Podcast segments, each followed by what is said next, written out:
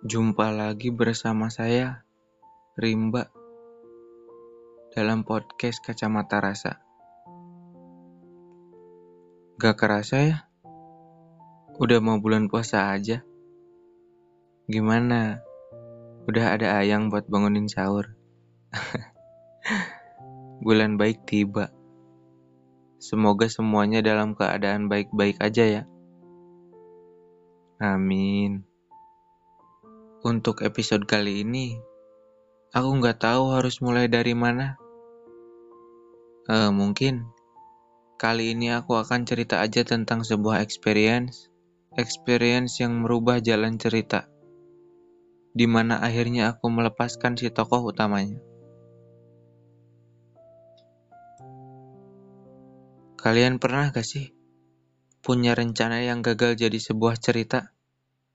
Rencana yang kenyataannya gak sesuai dengan yang ada di kepala. Rencana yang berubah gitu aja tanpa persetujuan kita. Rencana yang udah disusun sedemikian rupa, namun hasilnya berbeda. Entah itu rencana di dunia pendidikan, dalam hubungan percintaan, atau bahkan rencana masa depan. Uh, sebelum ke pembahasan intinya, Aku mau cerita sedikit tentang pengalaman di dunia pendidikan yang sering kali pilihan kita bertolak belakang dengan pilihan orang tua. Rumit memang. Kadang sulit untuk menentang pilihannya.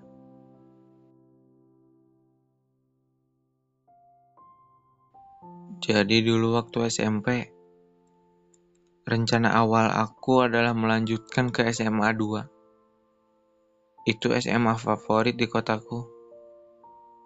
Karena aku ya hmm, beruntungnya punya banyak penghargaan di bidang olahraga. Jadi aku rencananya daftar lewat jalur prestasi. Yang kemungkinan diterimanya hampir 90% pasti diterima.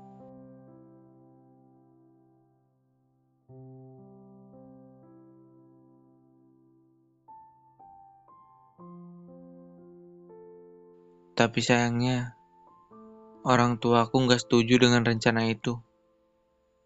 Dia bilang gini, udah masuk SMK aja.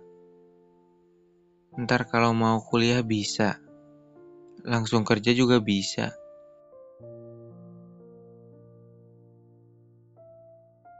Kalimat itu yang aku dengar empat tahun lalu tapi masih aku ingat sampai sekarang. Sebuah kalimat sederhana yang merubah jalan cerita. Kalimat yang memupuskan impian yang udah aku rencanakan. Itu rencana pertama yang gagal. Sebenarnya masih ada lagi rencana yang gagal di masa SMA. Tapi daripada kepanjangan, aku lewatin aja lah. Nanti aku ceritakan di episode selanjutnya. Sekarang aku langsung ke topik intinya aja. Tentang sebuah experience ketika aku buat rencana dengan seseorang. Namun kenyataannya gak sesuai dengan apa yang direncanakan. Dan experience itu hasilnya menjadi akhir dan awal sebuah cerita si tokoh utama. Kejadiannya di bulan pertama di tahun 2022. Sebuah hari yang menjadi mimpi buruk. Sebuah hari yang aku pun gak pernah nyangka endingnya. Padahal itu masih di bulan pertama. Tapi rasanya udah menjadi akhir dari segalanya.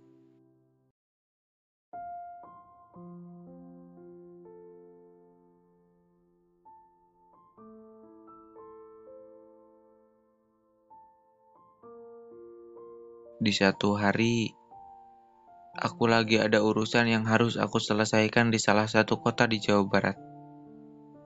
Sebut aja kota B.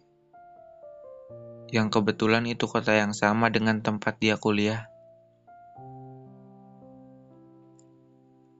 Aku berencana empat hari di sana.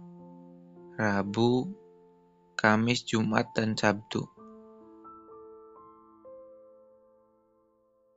Di malam hari pertama, dia tiba-tiba hubungin aku. Aku nggak tahu dia bisa tahu dari mana kalau aku lagi ada di kota itu. Aku nggak tahu, tapi ya, ya udahlah. Aku pikir mungkin ini adalah jalan. Dan ternyata dia ngajak aku pulang ke kampung bareng. dia minta di hari Jumat. Aku mengiyakan ajakan dia itu. Walaupun hari Kamis dan Jumat ada urusan yang harus aku selesaikan, tapi aku bisa handle. Aku geser semua jadwalnya, walaupun itu sangat beresiko. Tapi demi dia apa sih yang enggak? Karena aku yakin ini akan jadi cerita yang indah. Finally, kita deal janjian pulang di hari Jumat. Jujur aku senang. Senang banget. aku merasa aku masih ada harapan.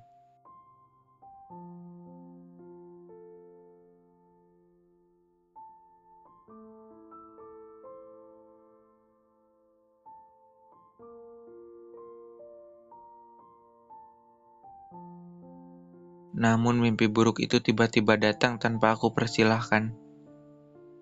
Belum genap 24 jam. Di hari Kamis siang. Dia hubungin aku lagi. Dan ternyata dia batalin janji itu. Karena ternyata dia bikin janji lagi dengan seorang pria yang katanya sih temennya. Aku sedih. Ini deep banget sih. Pria yang jarang nangis ini akhirnya nangis juga oleh dia. Aku udah lama gak keluar air mata karena cinta. Dan kali ini perempuan itu yang berhasil mengeluarkannya.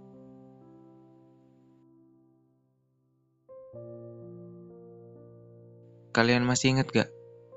Di episode hmm, menyimpan rasa kalau nggak salah, aku pernah bilang gini. Sebuah misteri yang paling menakutkan adalah masa depan. Dan ternyata itu benar. Itu kejadian.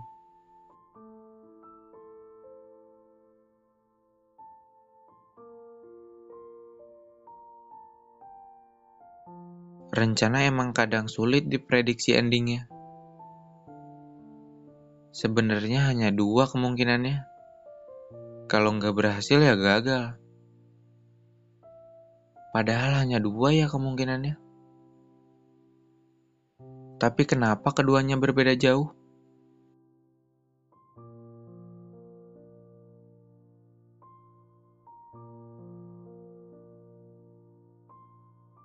Kalau saat itu aku bisa marah, aku akan semarah itu. Namun aku hanya bisa sibuk menyeka air mata.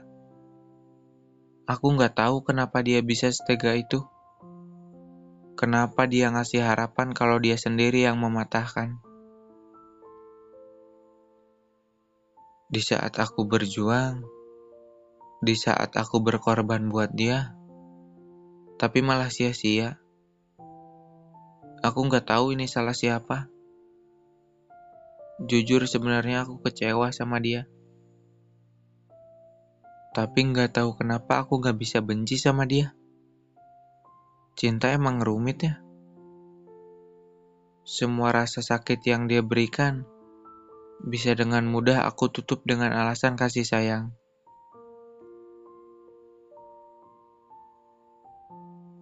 Aku udah kayak orang bodoh tau nggak? Bahkan dulu ketika teman-teman aku bilang lepaskan, tapi aku malah tetap bertahan.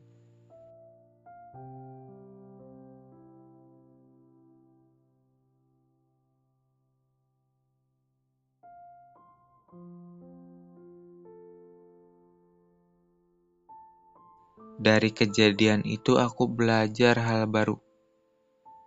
Ternyata semakin kita ingin memiliki seseorang, semakin kita mengejarnya, semakin kita akan dipermainkan. Segala sesuatunya emang gak boleh berlebihan sih.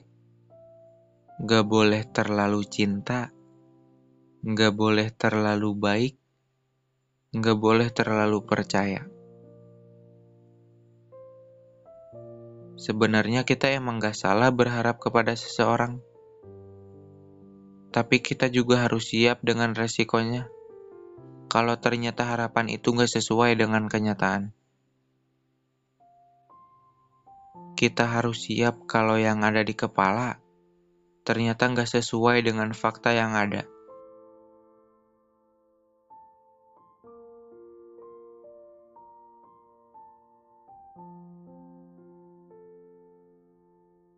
Aku pernah bertanya pada semesta, kalau seandainya saat itu dia tahu apa yang udah aku korbankan buat dia, apa kata batal itu akan tetap keluar? Apa kata batal itu akan tetap dia katakan? Apa kata batal itu akan tetap aku dengar? Tapi sampai saat ini, semesta belum memberikan jawabannya.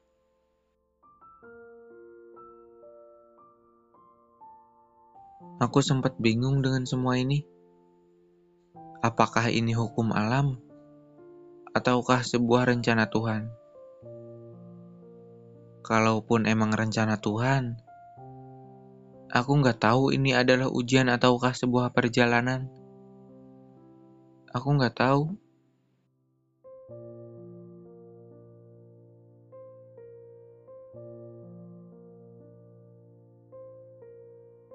Seandainya ada waktu untuk bicara empat mata sama dia, yang pengen aku katakan adalah terima kasih dan maaf untuk semua penasaran ini.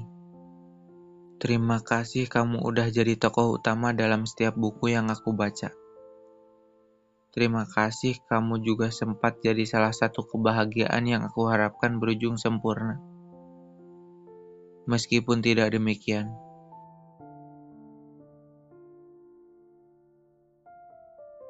Nanti kalau kamu gak dengar kabar aku lagi, aku minta maaf pernah mengharapkanmu sedalam itu. Tentang perasaanku untukmu, terima kasih. Kamu gak sedikit pun salah nyuekin aku. Mungkin aku yang gak paham bahwa bahwa langit emang gak akan mampu memeluk bumi.